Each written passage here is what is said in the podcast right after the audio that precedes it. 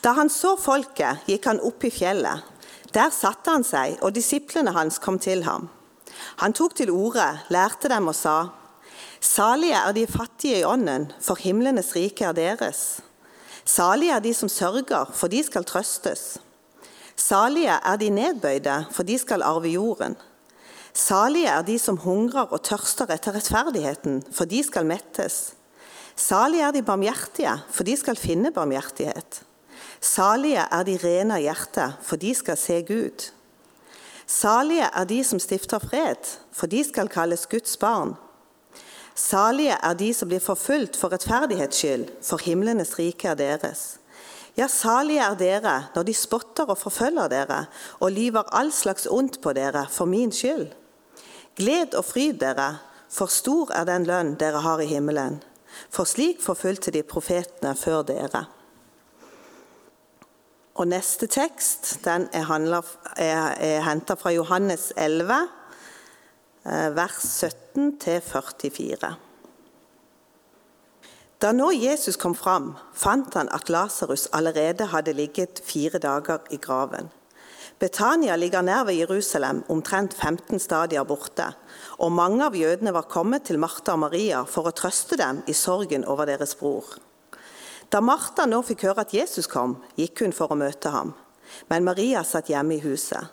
Martha sa da til Jesus, 'Herre, hadde du vært her, da var min bror ikke død.' Men også nå vet jeg at alt det du ber Gud om, vil Gud gi deg. Jesus sier til henne, 'Din bror skal stå opp.' Martha sier til ham, 'Jeg vet at han skal stå opp i oppstandelsen på den siste dag.' Jesus sa til henne, 'Jeg er oppstandelsen og livet. Den som tror på meg, skal leve om han enn dør.' Og hver den som lever og tror på meg, skal aldri i evighet dø. Tror du dette? Hun sier til ham, Ja, Herre, jeg tror at du er Messias, Guds sønn, han som skal komme til verden. Da hun hadde sagt dette, gikk hun og kalte i stillhet på sin søster Maria og sa, Mesteren er her og kaller på deg. Da hun hørte det, sto hun fort opp og gikk til ham. Jesus var ennå ikke kommet inn i landsbyen, men var på det stedet hvor Martha hadde møtt ham. Da nå de jødene som var hjemme hos Maria for å trøste henne, så at hun brått reiste seg og gikk ut, fulgte de etter. De tenkte at hun ville gå til graven for å gråte der. Da Maria kom dit hvor Jesus var og fikk se han, falt hun ned for hans føtter og sa til ham, Herre, hadde du vært her, da var min bror ikke død. Da nå Jesus så henne gråte, og så de jødene gråte som var kommet sammen med henne, ble han opprørt i sin ånd og rystet. Og han sa, Hvor har dere lagt ham? De sier til ham, Herre, kom og se. Jesus gråt. Jødene sa da, se hvor han elsket ham. Men noen av dem sa, kunne ikke han som har åpnet den blindes øyne, også ha gjort det slik at denne mannen ikke var død? Jesus ble da igjen opprørt i sitt indre.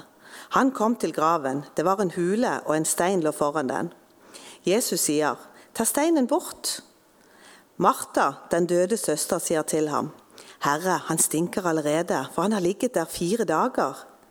Jesus sier til henne, Sa jeg deg ikke at dersom du tror, skal du se Guds herlighet? De tok da steinen bort. Jesus løftet sine øyne mot himmelen og sa, Far, jeg takker deg fordi du har hørt meg. Jeg visste jo at du alltid hører meg, men for folkets skyld som står omkring meg, sa jeg det, for at de skal tro at du har sendt meg. Og da han hadde sagt dette, ropte han med høy røst, Lasarus, kom ut! Da kom den døde ut, ombundet med liksøp på føtter og hender, og om hans ansikt var bundet en svetteduk. Jesus sier til dem, løs ham og la ham gå. Amen. Et sånn litt vanskelig ord er det som heter paradoks. Det er sikkert at det kan godt hende dere vet eh, hva det er for noe. Men et paradoks det er når det er noe, en påstand eller en, et utsagn som er virkelig sant, men som kan virke selvmotsigende eller absurd. Og Det er på en måte ganske mange paradokse utsagn i Bibelen. F.eks. at den største skal være den minste, og at den minste, den siste skal bli den første. Det er noen av de paradoksene. Og Vi skal se på dette som med paradoks, for det som vi skal tale om i dag, er på en måte et paradoks. Vi er jo nå inne i den tredje eh, delen av denne serien som vi starta på for noen uker siden, som er kalt for Ekte lykke. Og Grunnen til at vi har kalt eh, serien for Ekte lykke, er fordi vi har tatt utgangspunkt i en tale fra Jesus som han holdt, eh, som kalles for bergpreken, hvor han i starten av denne bergprekenen har noe som heter og kalles for saligprisningene. Og Ordet 'salig' eh, er jo oversatt fra et gresk ord, men det norske ordet kan jo nesten virke gresk i seg selv. Salig, for det er ikke akkurat et ord som brukes i hverdagen. Men det handler om en stor og enorm ekte glede, noe som fører til lykke. Et lykkelig liv. Så det er det det handler om.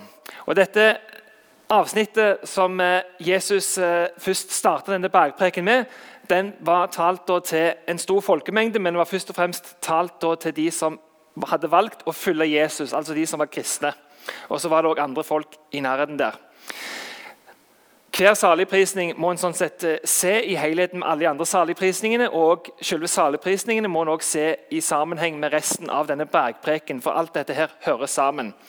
Og Sånn er det også sånn sett med all god type bibeltolkning.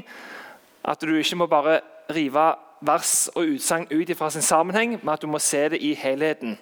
Og Et godt tolkningsprinsipp er jo at Skriften tolker Skriften. Altså andre vers i Bibelen tolker andre vers i Bibelen for å få en forståelse av dette. her. den delen som er kommet til i dag, er dette med salige av de som sørger. Og Det høres jo veldig ut som et paradoks. For hvordan kan det være en stor lykke å være i en type sorg? Og hvilken type sorg er det det er snakk om, som Jesus her peker på? Som òg gjør at en skal få trøst. Det er det vi skal se på i dag. Men først et lite tilbakeblikk til sist søndag. For Da var temaet 'Salig de som er fattige i ånden'. Og Det handler om å erkjenne i seg selv at dette livsprosjektet som jeg lever, det kan jeg ikke greie på egen hånd. Jeg trenger Gud. Jeg er avhengig av Gud. Jeg kan ikke i meg selv få til dette livet. Det er en fattigdom i livet mitt som bare Gud kan fylle, og det gjør at den åpner seg opp for Gud. Og Dette verset her er i utgangspunktet grunnlaget for å ha en tro og et liv sammen med Gud. For du erkjenner at du trenger Gud i livet ditt. Fattig i ånden. Og som fattig, som eh, Når en fattig i ånden fører til, er at en får del i det som kalles himmelriket. Eller som også kalles mange plasser i Bibelen for Guds rike. Det er ikke et geografisk sted, sånn som eh, Søyland, hvor de er veldig flinke til å måke om dagen, eller eh, i motsetning til UNS. Men det er, en, det er ikke et geografisk plass, men det er en plass hvor Guds vilje skjer. Det er en plass som er midt iblant oss, og samtidig er den på en måte usynlig. Og Det er òg et rike som ikke fullt ut er kommet. Du får glimt av det, av himmelriket nå i dette liv, men det er ikke kommet fullt ut før når Jesus kommer tilbake igjen. Og Himmelriket er den røde tråden som er gjennom hele Bibelen, fra Gud skaper verden til den aller siste boka så er himmelriket sentrum. Og Himmelriket er også sentrum i hele Jesus sitt liv. og Alt det han sa og alt det han gjorde, så handler det om himmelriket. Det første Jesus sier, er at 'venn om, for himmelriket er nært'. Så Himmelriket er det sentrale i Jesus sin gjerning og i Bibelen. Og Der er det at Guds, rik, der at Guds vilje skjer. Og Alle de som er troende og, lever, og har tatt imot Jesus, få del i himmelriket. For det Jesu korsdød, at han ga livet sitt, gir deg adgang til det. Og Når du er troende, så har du òg Den hellige ånd i hjertet ditt. Og Det er liksom beviset på at du har del i himmelriket, som er på en måte usynlig, men midt iblant oss. Vi som kirke, vi som er kristne, har som oppgave å, gjøre, å fremme himmelriket. Vi er verktøy som Gud bruker nå for å gjøre Guds rike, for å gjøre himmelriket synlig iblant oss. Og Noen ganger får en større glimt enn andre ganger av nettopp dette. Og Det er det òg dette som vi skal snakke om, handler om. dette med himmelriket videre. Hva for en sorg er det Jesus snakker om? At salige de som sørger. Og Det er det litt sånn ulike oppfatninger på, så jeg skal gå gjennom noen oppfatninger. Og også i forhold hvordan i det hele tatt kan det være en type lykke eller salighet å være i noe sorg. Hvis det er det det handler om. Det ene er en tolkning av det er at en tenker på en sorg over den tilstanden en er i som menneske. Og Det er i forlengelsen av det som vi snakket om sist, som dere kan høre på en podkast, at du er i sorg over at du som menneske ikke greier livsprosjektet sjøl. Du er fattig i ånden. Og det at selv om du har åpna deg opp for Jesus, ber Guds ånd i deg, så opplever du fortsatt å komme til kort. Du greier ikke å leve opp til det som for resten av bergpreken handler om. Hvordan vi som troende bør leve og reflektere Jesus i verden. Du er i sorg for det du ser at du igjen og igjen faller i synd. Altså ikke greier å anerkjenne Gud som den som, er, som gir deg alle livets gode gaver. Og òg tenker mange ganger at du skal gjøre deg uavhengig av han, selv om du har tatt imot Jesus. Og Du kan på en måte mer og mer fylle livet ditt med en hellig ånd. Jo mer og mer tid du bruker med Gud, jo mer og mer blir du fylt med en hellig ånd. Og sånn sett så kan, så kan, det skje en forandring i livet ditt. At du mer og mer kan ta avstand fra ting som ikke er bra. Men allikevel vil alle mennesker, uansett hvor nært de har levd med Gud, oppleve å komme til kort og ikke leve opp til det som Jesus peker på som det gode for livene våre. Og Det kan føre til at en blir knust, føler seg knust og kommer dermed i sorg. En av de aller eh, viktigste tidligste kirkelederne, Paulus, som har skrevet flere brev i Bibelen, han skriver selv det om seg selv og sin tilstand. Hvor han sier om seg selv at 'for jeg vet at i meg, dvs. Si i mitt kjøtt og blod, bor det ikke noe godt'. Viljen har jeg, men å fullføre det gode makter jeg ikke. Det gode som jeg vil, gjør jeg ikke, men det onde som jeg ikke vil, det gjør jeg. Så er til og med En som mange vil tenke på som en sånn superkristen, som en gjerne sier på skolen altså, er, du, er du kristen eller er du virkelig kristen? En som er virkelig kristen, sier at han får ikke det til å leve sånn som han skulle ønske å ha gjort. Og Altfor ofte så er det at vi blir påvirket av samfunnet rundt oss og velger heller lette løsninger i forhold til det som vi tror fører til et lykkelig liv. Det som Bibelen egentlig peker på som synd. Velger vi å følge det fordi at så mye av verden peker på at bare lev sånn, bare gjør akkurat sånn som du vil. Bare prioriter deg sjøl. Bare følg hjertet ditt. Gjør sånn som du har lyst til. Så blir du lykkelig. Men det er ikke det Bibelen peker på som fører til et lykkelig liv. Den gode nyheten og trøsten for de som kjenner seg utilstrekkelig og vet man kommer til kort, er jo Jesu budskap om tilgivelse. Muligheten til å starte på ny igjen og igjen. Vi mennesker imellom vi har en grense.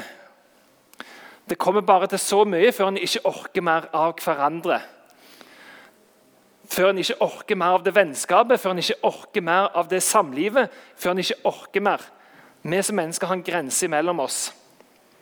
Men Gud har ingen sånn type grense. For Gud er evig nådig. Som betyr at vi kan igjen og igjen komme til Gud og få en ny start. Be han om tilgivelse og få starte på ny forholdet med Gud, med hverandre og med oss sjøl. Blant annet er jo dette som vi skal feire senere, nattverden, et tilbud om det. Hvor du kan få ta imot noe fysisk. Og du kan få vite og ta med deg alt det som du vet i livet ditt er ødelagt. Du kan få legge det av deg, og du kan få starte på ny. Og vi som kristne har blitt gitt autoritet av Gud til å kunne tilgi hverandre på vegne av Gud. Fordi vi ber Guds ånd med oss. Jesus sjøl kunne også kjenne på utilstrekkelighet i sitt eget liv, men ikke på samme måte. For han falt ikke i synd. Men du kan lese en episode i Bibelen hvor i forkant av at Jesus skulle bli hengt på kors, hvor Jesus kjenner på utilstrekkeligheten i sitt eget liv. Hvor han kjenner på sorgen i sitt eget liv over hva det han skal møte. Hvor han senere i en hage vet at han kommer til å bli utlevert til de romerske myndighetene, Så kommer til å piske han, slå han, og så korsfeste han. Og De som han hadde med seg disiplene, greier ikke å støtte opp om han og være sammen med han, så han blir overlatt til seg sjøl. Og da står, om, da står, det at Jesus sier at 'min sjel er tynga til døden av sorg'. Og han ber disiplene bli her og våk med meg.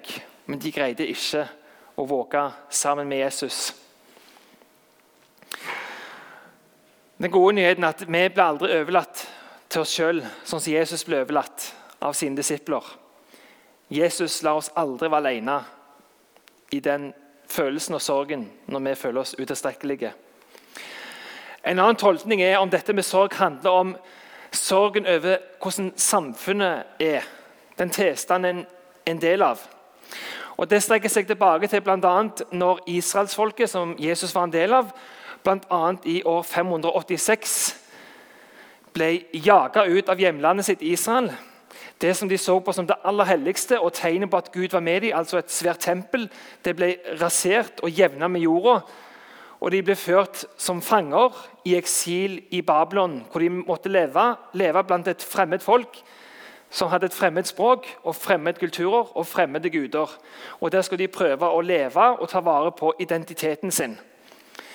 Og da var det at Mens de var i eksil, så sendte Gud profeter, altså mennesker som hadde et budskap fra Gud, for å gi dem et budskap om trøst. Om at dette elendigheten som de nå var i, ikke skulle vare evig. Og annet Jesaja skriver i sin bok og ga et budskap til dette folket, hvor han sier trøst, trøst mitt folk, sier deres Gud. Og Dette folket var da i eksil i 70 år. Men de fikk komme tilbake igjen til landet sitt. Og En annen er, kan du lese med når Jesus er liten, at etter han har blitt omskjært, så reiser da hans mor Maria og den hellige Josef til Jerusalem for å gjøre de ofringene som var pålagt dem etter den loven som de fulgte. Og Der møter de en mann som hadde venta på Israels trøst.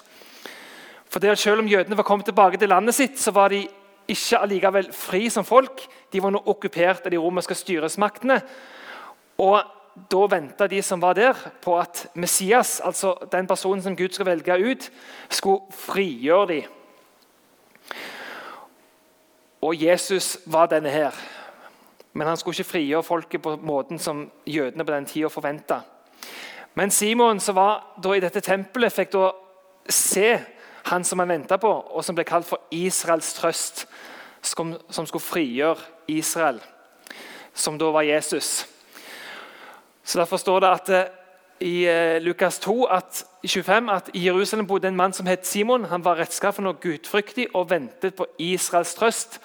Og Den hellige ånd var over ham. Og Etter han har fått sett Jesus, så begynner han å glede seg og formulere dette her denne bønnen til Gud at 'Herre, nå lar du din tjener fare herfra i fred, slik som du har lova.' For mine øyne har sett din frelse, som du har gjort i stand, like for ansiktet for alle folk, et lys til åpenbaring for hedningene og ditt folk Israel til ære.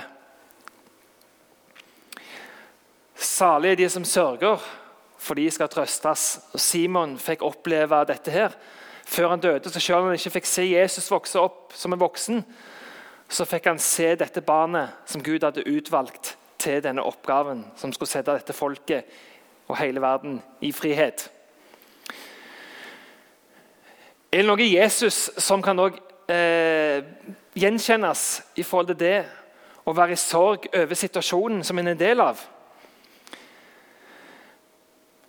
Etter Jesus har ridd inn i Jerusalem på palmesøndag og da ble utropt til konge av de som hadde møtt opp, hvor de stod hullene, så visste Jesus at de aller, aller fleste hadde avvist han og ville ikke han ta imot den freden som han ville gi dem fra Gud. Og Derfor er det at du kan lese en episode hvor Jesus går opp og ser ut over byen Jerusalem. Og han er i sorg over tilstanden som er der. Han er i sorg over alle de menneskene som avviser han og ikke vil ta imot alt det gode Gud vil gi dem. Og han er i sorg over det han vet kommer til å skje. For i år 70 så skjer det at det andre tempelet det blir også jevna med jorda.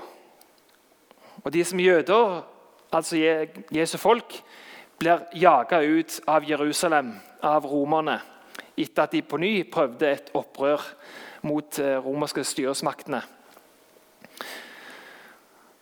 Og Derfor står det at da Jesus kom nærmere og så byen, gråt han over den og sa Hadde du bare på denne dagen forstått, du også, hva som tjener til fred, men nå er det skjult for øynene dine. Jesus sørger over verden, over situasjonen. At det er så mange mennesker som avviser han og ikke vil ta imot alt det gode som Gud vil gi gjennom han. Jesus vet hvordan det er å være et menneske. Og Gud vet det, for Jesus var både sann Gud og sann menneske, og fortsatt er det. Den tredje tolkningen på dette her er å kjenne på sorg over alle tapene som en har i livet. Og Disse tapene det opplever en som kristen like mye som de som ikke er kristne. Altså Disse to første punktene det er jo noe som spesielt troende opplever. Det å være i sorg over at en kommer til kort overfor alt det gode Gud peker på. Og sorg over at så mange mennesker ikke tar imot Gud, og over at så mye av verden er preget av det motsatte av det Gud peker på som det gode. Men den tredje er jo mer en sånn allmenn sorg over livets tap. fordi at du som er kristen, opplever like mye tap som de som ikke er kristne.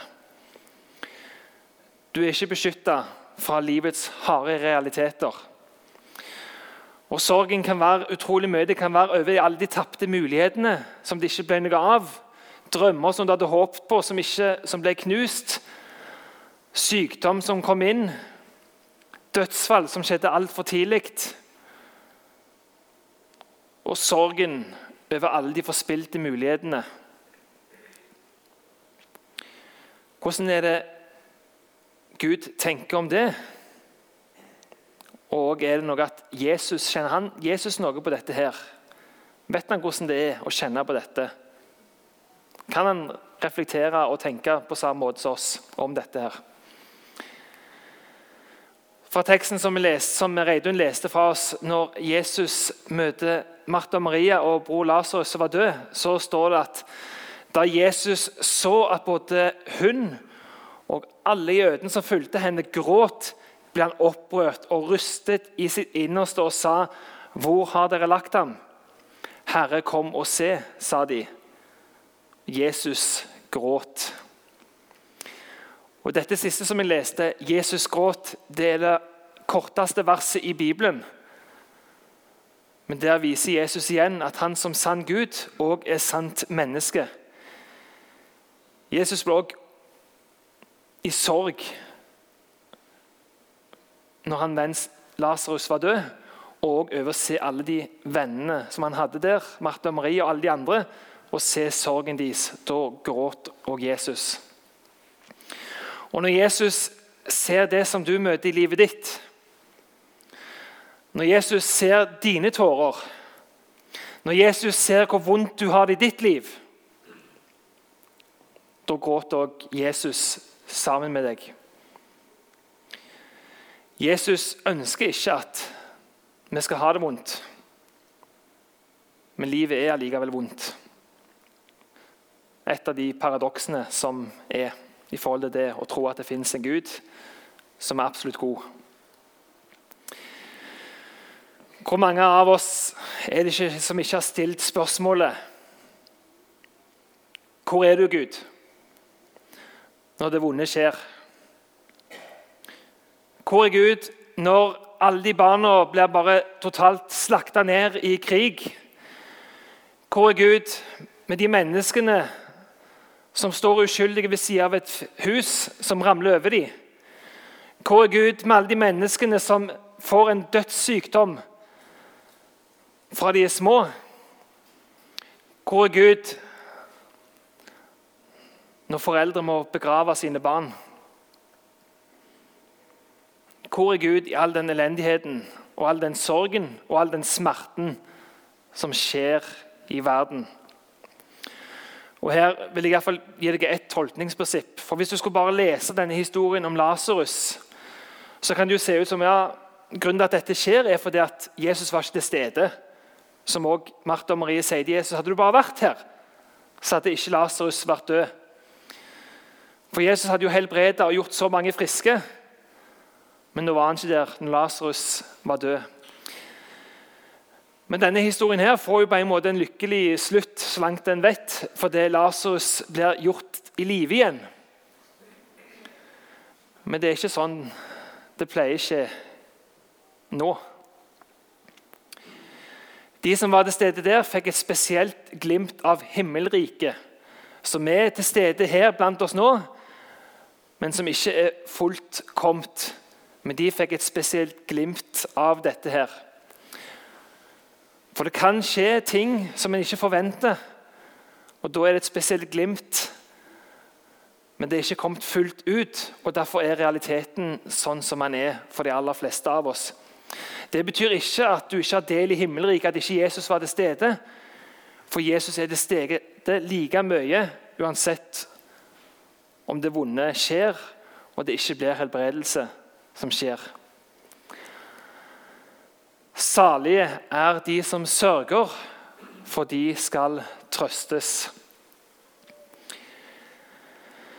Når en er i sorg, så er noe av det aller viktigste og noe som trøster aller mest, det er det at du har noen med deg, at du ikke er alene.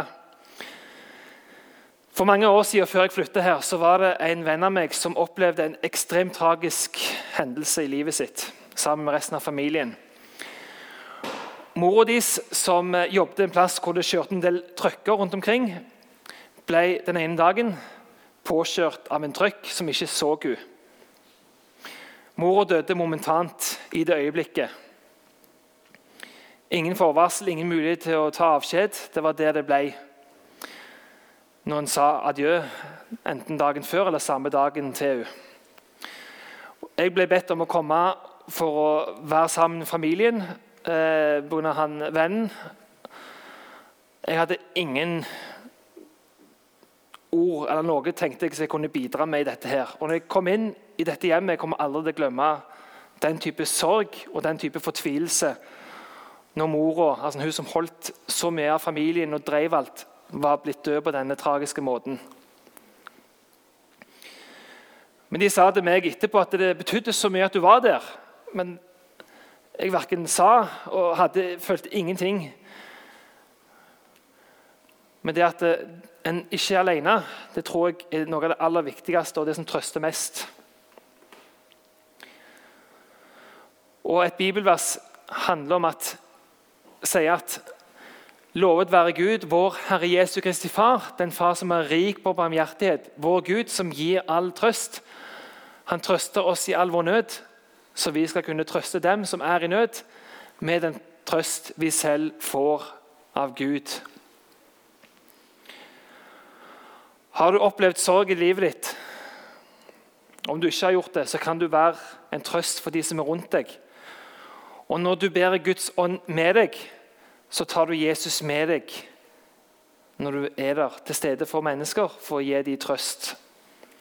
Så tenk aldri lite om den du er, og det du kan gjøre for andre når andre er i sorg, ved å bare være til stede. Salige er de som sørger, for de skal trøstes. Jeg har jo flere ganger nevnt det som ble utgangen av livet for mamma. Og Det var utrolig vondt å få den beskjeden at den viktigste personen i mitt liv, mamma, skulle få den diagnosen som hun fikk i begynnelsen av 2021. Hvor hun fikk en diagnose med kreftsvulst i hjernen. Det var ekstremt vondt å få høre at hun kom til å dø av dette. her. Det var ingen medisinsk hjelp, det var ingen medisinsk håp. Selv om de opererte en del av hjernen hennes og tok ut deler av dette her, selv om de ga hjerne, altså, behandling med strålebehandling og alle disse pillene, så var det ingen håp. Hun kom til å dø av dette her. Og Fra hun fikk denne beskjeden til gjennom hele her, så var det en utrolig sorg. Det var en sorg å se når mamma kom hjem først og hadde nesten halve hodet barbert fordi hun hadde skåret opp skallen med et svært sår rundt hele hodet. Det var en sorg 2.12. samme år å se når hun mista førligheten og ikke lenger kunne gå med beina sine. Det var en utrolig stor sorg sommeren etterpå, i 2022, når hun ikke lenger kunne gå, nei, kunne snakke lenger og mista stemmen. Kunne ikke snakke og kommunisere lenger. Og det var en utrolig sorg på høsten, når hun nesten bare lå bedøva og sov. For de måtte bedøve den smerten som denne svulsten som preste seg inn i hjernen hennes, som sakte, men sikkert tok livet av alle funksjonene i kroppen hennes, og som til slutt gjorde at hun døde 9.10.22.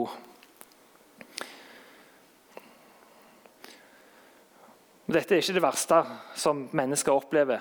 Og jeg vet at mange av dere har opplevd mye verre.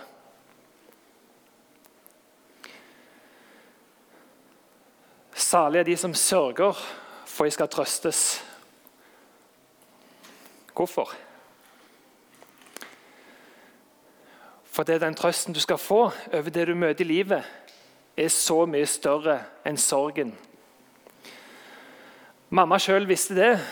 Hun mista faren sin i et hjerteinfarkt når, bare, når hun var bare åtte år, og bærte sjøl med sorg og savn etter han gjennom hele livet sitt. Hun sa sjøl at han var den viktigste personen i sitt liv når, eh, når han døde.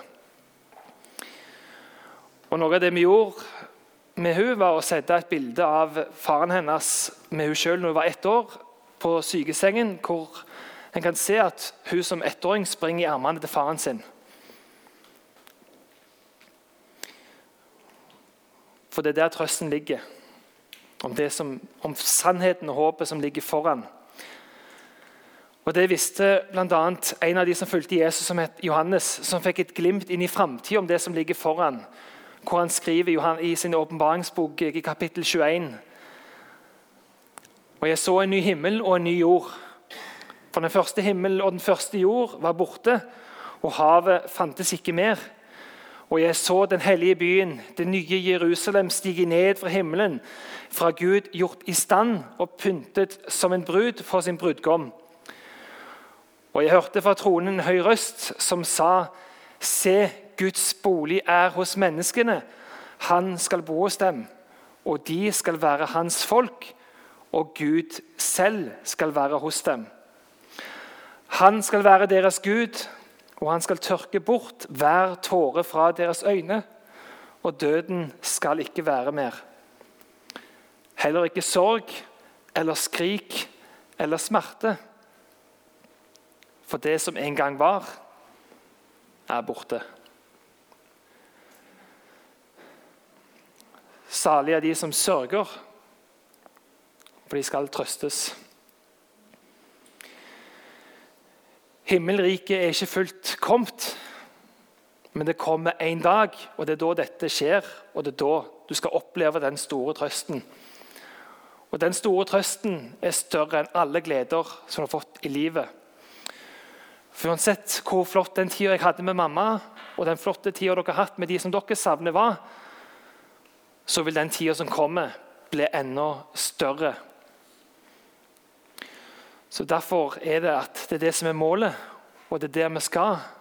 Vi skal til himmelen. Det er der vårt hjem er. Salige er de som sørger, for de skal trøstes.